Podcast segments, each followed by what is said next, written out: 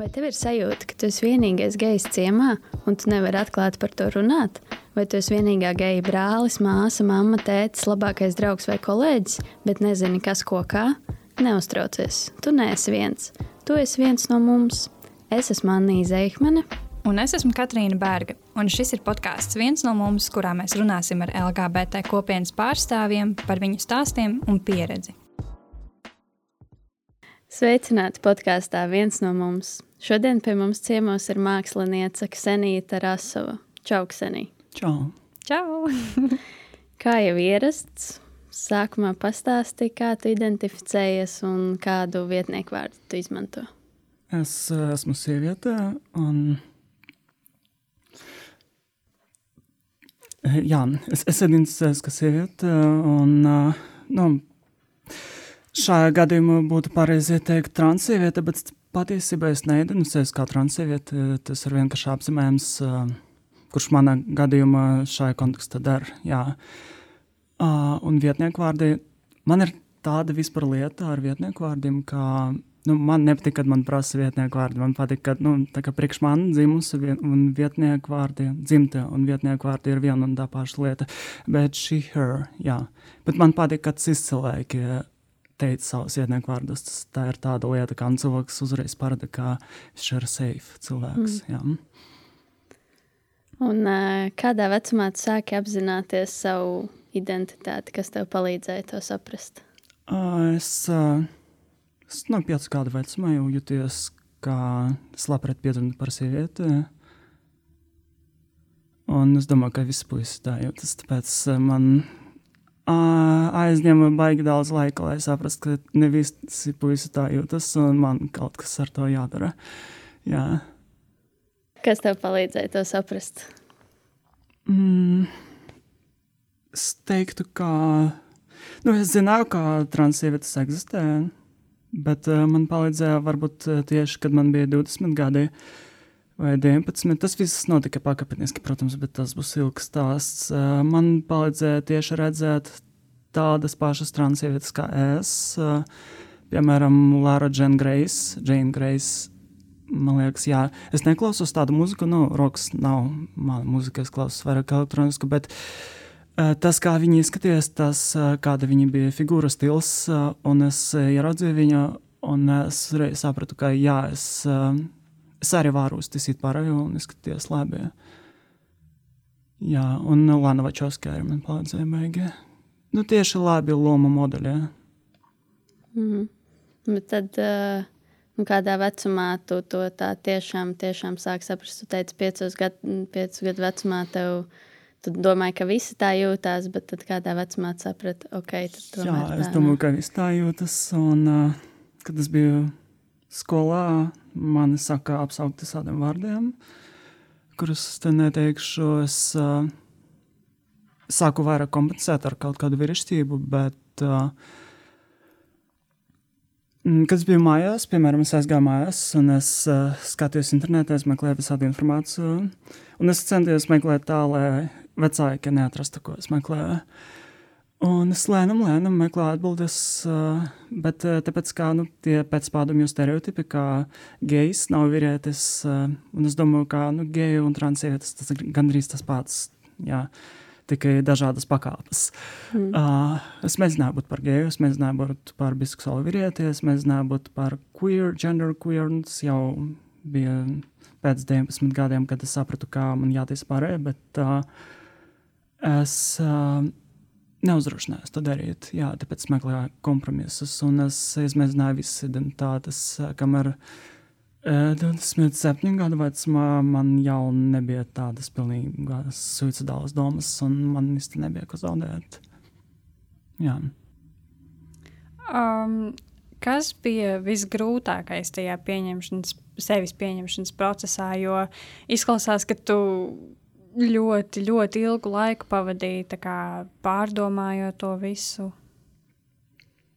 Mm, grūtākais bija grūtākais bija. Uh, grūtākais bija. Tas, ir, tas nav vienkārši jautājums patiesībā. Jā, nu, es varu teikt, ka piemēram grūtāka lieta ir viss tas negatīvs, kas iet no terfam. jā, tas patiesībā tā ir. Tā bija lieta, kas mani ļoti stipri ietekmē. Un visi tie stereotipi par uh, večiem sieviešu kleitās, uh, kas ir smieklīgi, jo nu, man, man vēl nav kleitas. jā, pat visu laiku es nevalkāju kleitas.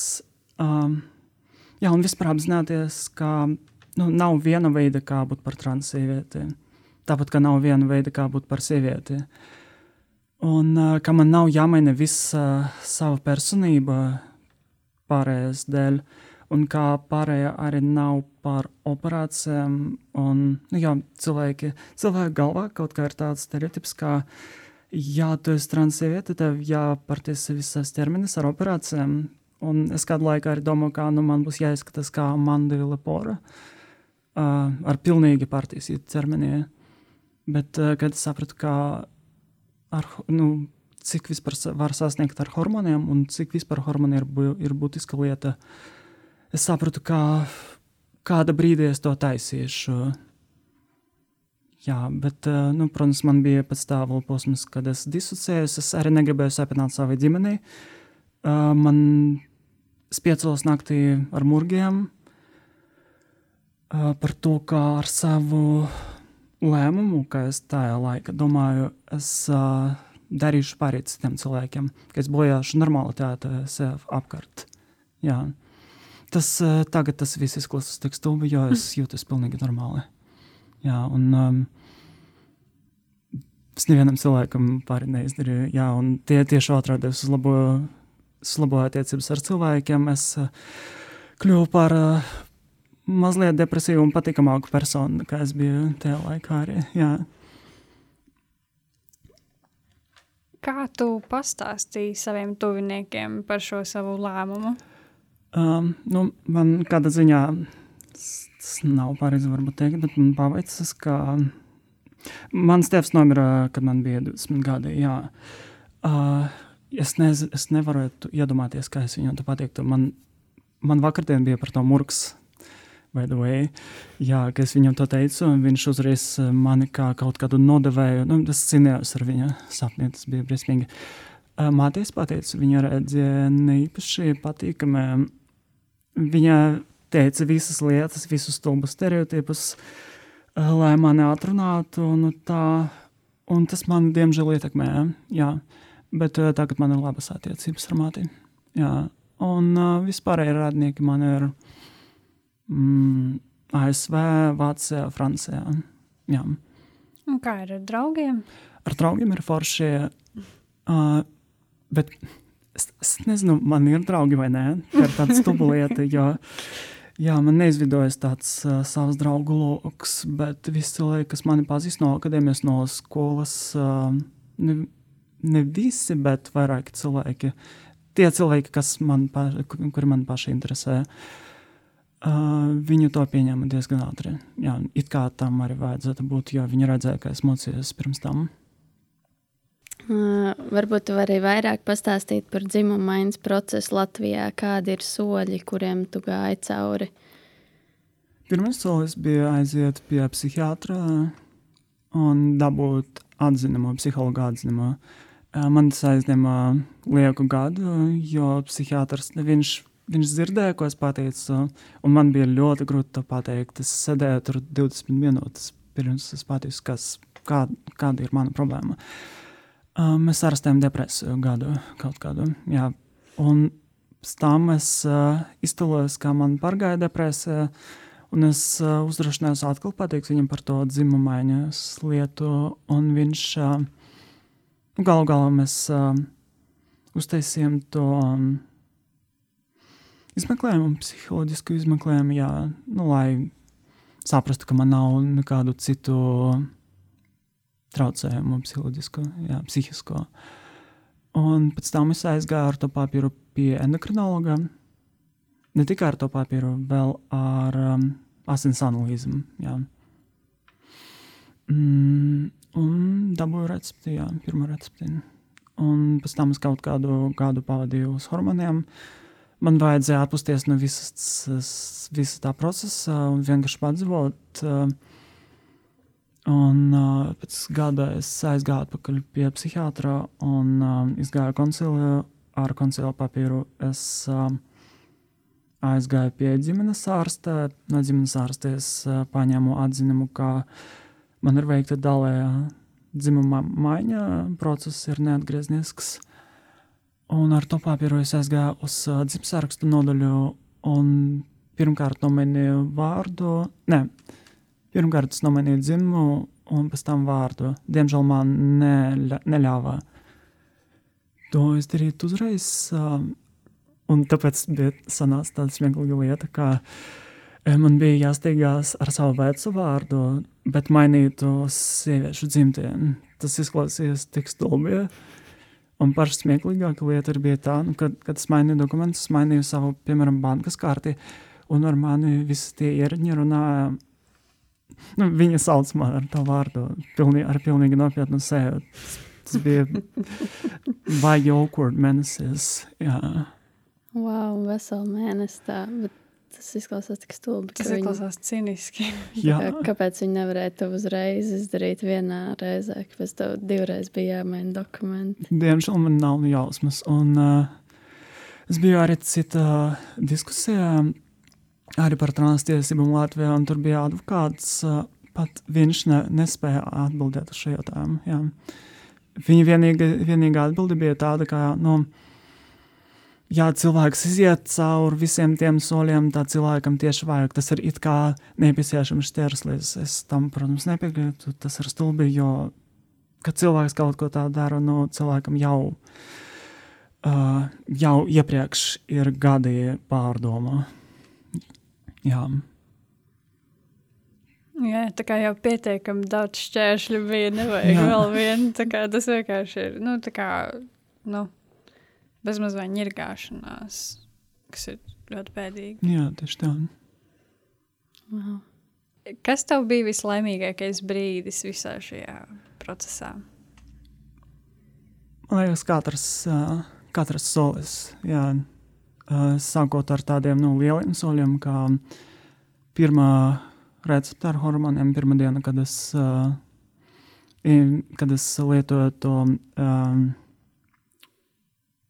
es aizmirsu vārdus, antiandrogēnu tableti un estrogēnu tableti, jā, man tāds miers bija iekšējais vispār, un kuru es, es nekādu iepriekš nepieredzēju. Pēc tam vārdu maiņa un jā, vārdu uzvārdu maiņa, kad man jau bija pareizi dokumenti. Es jau aizmirstu to.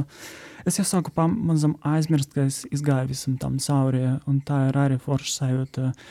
Apzināties, kā nu, tu jūties vienkārši normāli, tu iet pa savu dzīvi, un tu vairs nedomā, tev vairs nav tādas, tāda uh, impostor sindroma, kāda mm. ziņā, jā. Un uh, arī katras, eh, katru dienu, kad es pieņēmu savu ķermeni un kad es redzu pārmaiņas sevi, un arī man, piemēram, bija kompleksa par saviem pleciem, par uh, to, ka man ir nu, tā kā, tāda T veida figūra, bet uh, šonadēļ es, es atradu internetā tādu Kiba body type chart. Nu, tas ir viens no ķermeņa klasifikācijas veidiem. Un tur bija mana ķermeņa tips, uh, tas saucas flamboyant natural, un es pirmo reizi ieraudzīju savu ķermeņa tipu kā uh, vienu no sieviešu ķermeņa tipiem. Nevis kā, nu, un es tajā brīdī, tas, protams, bija ilgs process, bet es pārstāju, es beidzot pārstāju domāt par savu ķermeni kā testosterona izkropļota ķermenim, jo vienmēr, man vienmēr bija tāda skautība pēc uh, maza auguma petit sieviet, sievietēm, jo es uh, blakus jūties uh, šausmīgi liela un nu, es jūtīju par to diskomfortu. Un es beidzot pārstāju justies to diskomfortu. Man, jā, es varu teikt, ka šonedēļ man, es izjūtu jaunu harmonijas pakāpi seviem. Jā. Un tādi brīdi noteikti vēl būs. Noteikti. Jā. Oh, ja klausītāji varētu redzēt to smaidu, kas man un Anija ir sejas. Oh. Man liels prieks šo dzirdēt. Arī.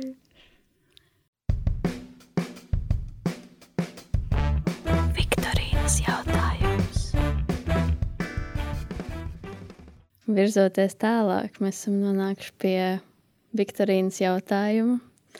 Uh, Tātad šodien jautājums ir šāds.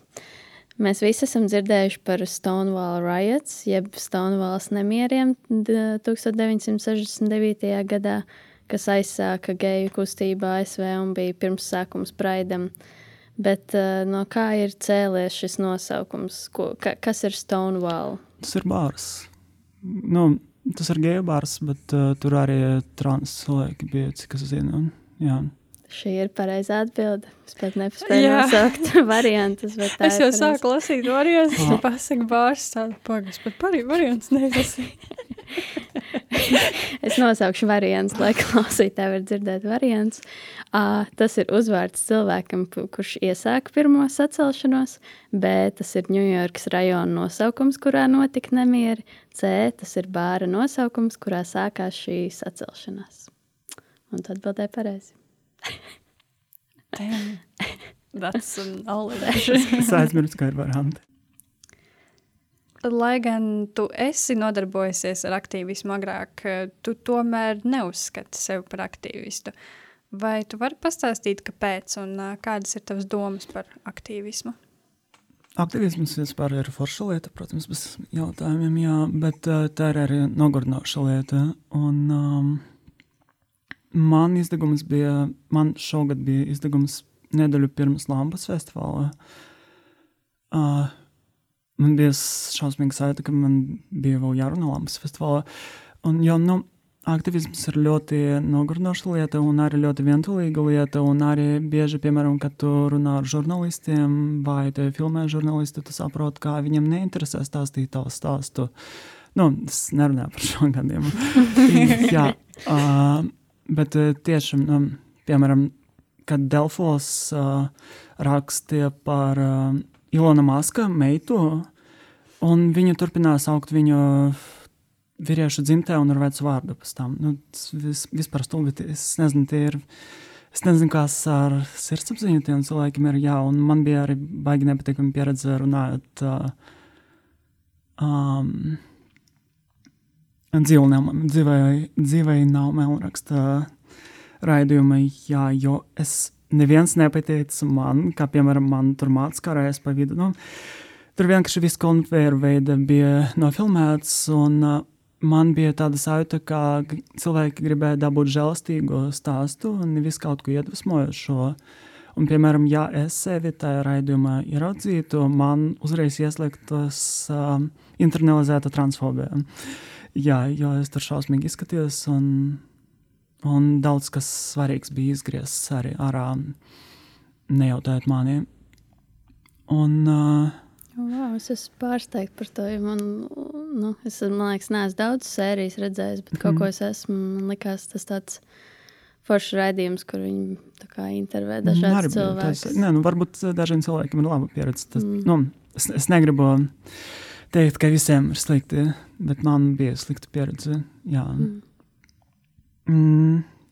Es, es aizmirsu, kā es gribēju turpināt savu domu. Ah, jā, nē, nē, nē. tas ir forši. Uh, es saprotu tā, tādu lietu, kā es, man nogurdinā būt par dzīvu grāmatu.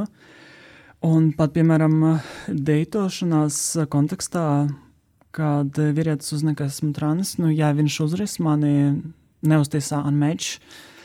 Viņš, es, viņš pārstāja redzēt mani kā sievieti, viņš sāk uzdot nērtus jautājumus, tas ir nogurdinoši. Un, kad tu esi, kad tu nodarbojies ar aktivismu, kas ir saistīts ar kaut kādu tavas dzīves daļu, tu kļūsti par simbolu kaut kādu nevis par personu ar saviem sapņiem, ar savu dzīvi.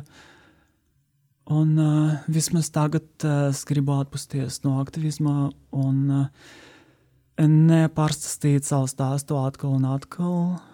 Un vienkārši padzīvot, un varbūt lai cilvēki uz kādu brīdi aizmirstu, ka esmu transiete. Jā. Vienkārši atļaut nosēsties visam. Jā.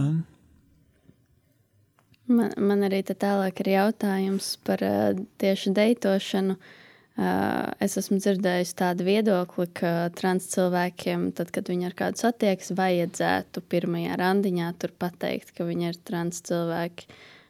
Ko tu domā par šādu viedokli, kad daži cilvēki tā uzskata? Nu, piemēram, savā Tinder profilā es nerakstu, ka esmu transsieviete, uh, jo es negribu, lai man kaut kādi fet fetišisti tur liekotu. Un, jā, um, un es arī negribu, lai tā būtu pirmā lieta, ko vīrietis redzētu. Bet uh, pirms tikšanās es priekš savas. Um, savas drošības to pateicu. Vispirms, pat ja es, piemēram, pasolu to, nu, pasošana tas ir, kad cilvēks nezina, ka tu esi trans. Jā. Es uh, katru ziņu pateiktu, lai man, lai es justos droši, kā viņš pēkšņi man neuzbruks. Nu, un, protams, gal, galā cilvēkam tik un tā būs jāzina. Jā. Bet, piemēram, tādu variantu, ka, es nezinu, jūs satiktos tāpat vien, padzert kafiju, un tad pēc kaut kādām pāris tikšanās reizēm tu to pateiktu, tā tu to parasti nedara. Tas būtu forši, bet es varbūt vēl nejūtos tik, um, tik pārliecināti par sevi, kā zinātu, ka viņš uh, vienkārši runājot ar mani kaut ko nenajost. Jā. Man patīk tas, kas tev tur rakstīts. Uh, ka, ka viņam būtu jāpasaka. Jā, man tur tālāk bija komentārs par to, ka es uh, dzirdēju no viena transpuiša tādu lielisku atbildi šim ka tā nav trans cilvēku vaina vai atbildība, ka kāds ir transfobisks. Un, ja kāds nevēlas tikties ar trans cilvēku, tad varbūt tieši viņam tas ir jāpasaka pirmajā randiņā, ka viņš ir transfobisks, nevis ka uh, trans cilvēkam ir kaut kas jā, jā, jāsaka par savu identitāti. Jā, tas daudz ko atvieglotu. Bet notiek, tā nenotiek. Man šķiet, dzīvo šobrīd. Jā, ja viņi visi domā, ka translēka vai neeksistē, vai neuzdrošināsies dzīvot romantisku dzīvi. Jā. Bet visi mēs esam tikai vienīgi cilvēki. Jā. Bet uh, pārējāt bišķīt atpakaļ. um, kā tu šobrīd īsteno savu to, to aktīvismu vai, vai radošumu?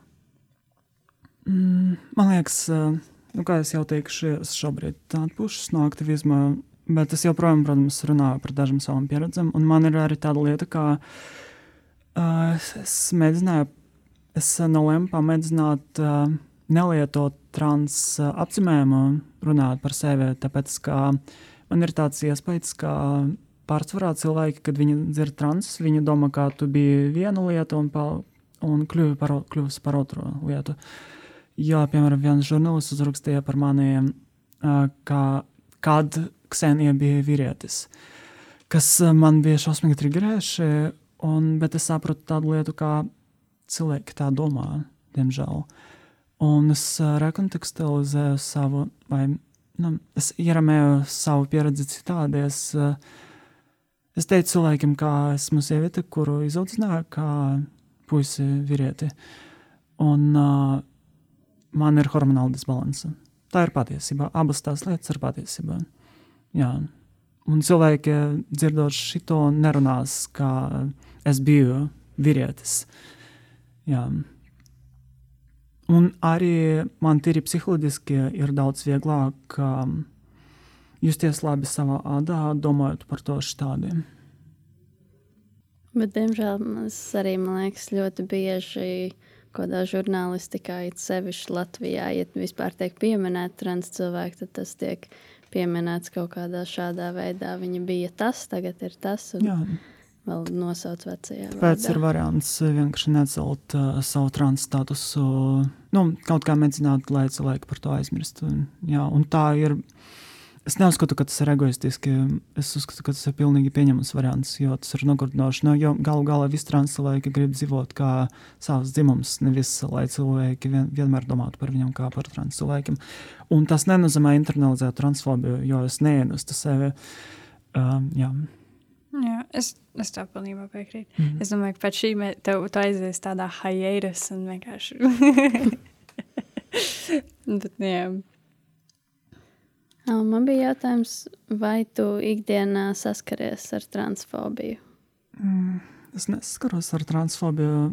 Personīgi ikdienā tieši es drīzāk novēroju transfobiju internetā, nu, transfobiskus izteicienus, viedokļus. Jā, un tas man ietekmē, bet ikdienā, nē, ikdienā parasti cilvēki uztver mani kā sievieti. tikai rēti kaut kāds gopnieks varbūt jā, uh, pat, paskatīsies uz mani uzmanīgāk un viņam kaut kāda šaubas pardīsies. Uh, un vienu reizi arī bija nepatīkami. Māte gāja ar meiteni, un meitene pajautāja, vai tas ir puisis vai meitene. Es nedzirdēju atbildību, bet es ļoti baidījos dzirdēt atbildību. Bet tie bija tādi gadījumi, ka nu, nezinu, vienu reizi divu, divos mēnešos notiek. Jā, ā, vēl bija viens gadījums, tāds nopietnāks, nu, tāda mikroagresija, man liekas, kad es pierakstīju savai ģimenes ārstei, un man jau main, bija mainīts vārds, bet pie ģimenes ārsta, nu, tā reģistrā vēl nebija mainīts vārds. Un medmas, uh, kuras sēž reģistratūrā, viņa, viņa vienmēr rūpīja, kā 90. gados gandrīz. Viņa tur vienmēr bija, un viņa vienmēr tāda rūpīga arī bija. Uh, viņi krīt uz nerviem, kad cilvēki zvana, lai pierakstīties. Nu, es nezinu, uztaisīties. Tad nu, viņi varētu uztaisīt kaut kādu internetu pierakstu, tad, jā, lai, nu, jā, tā nepatika. nu, ok, es uh, piezvanīju, es pateicu, ka man mainīja tika mainīts vārds.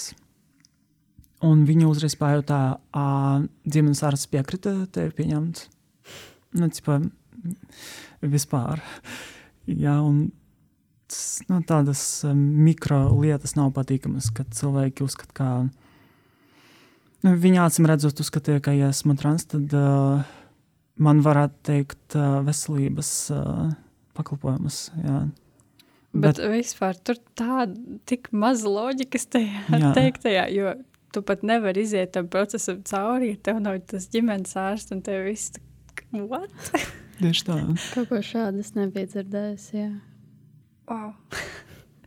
Bet nu, tas būtu tavs viss, vissliktākais. Jā, tas notiek rēti. Ah, nu un deitošanas, arī deitošanas kontekstā, jā. Kad uh, tu pateici šālim, kā, uh, nu, kā kad ir tāds brīdis, jau kad uh, jūs gribat satikties, un pateikt, ka nu, man ir viena lieta, kas man te jāpateic tieši savai droši, savas drošības dēļ, un viņš uzreiz uztais mēģis, un tu jūties kā mesls. Nu, ir vispār tāda lieta, ka tu internalizē to, kā tu nepatici cilvēkiem, nu, tu neesi pievilcīga, tas ļoti ietekmē, tas arī ļoti ietekmē, ietekmē sevis uztveri, jā.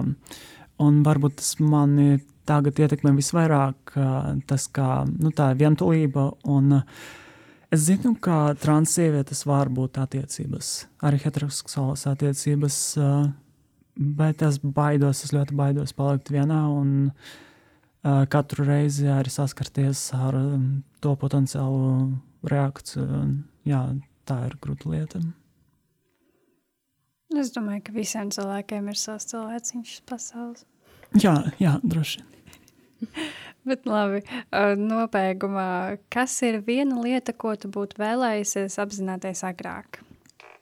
Mm, kā taisīt pārēju nav egoistiska lieta. Jā.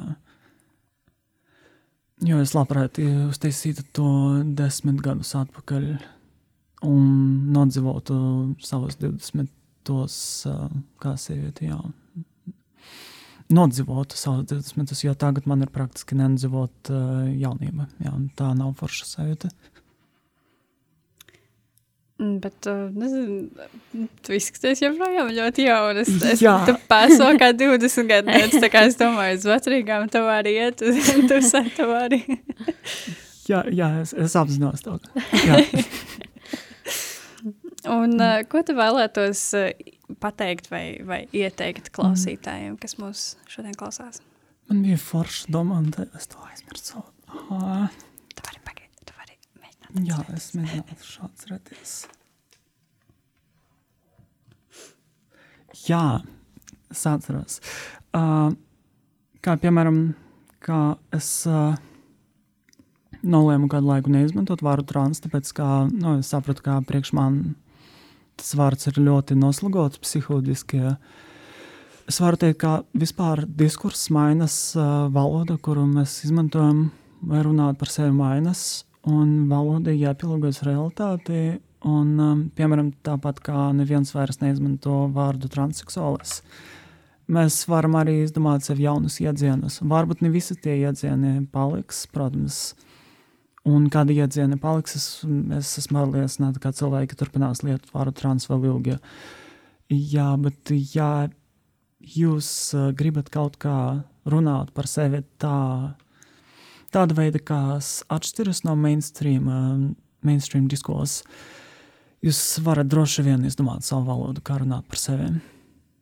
Jo tie kā, psiho, psiholoģiskie vingrojumi, tie ļoti, ļoti palīdz.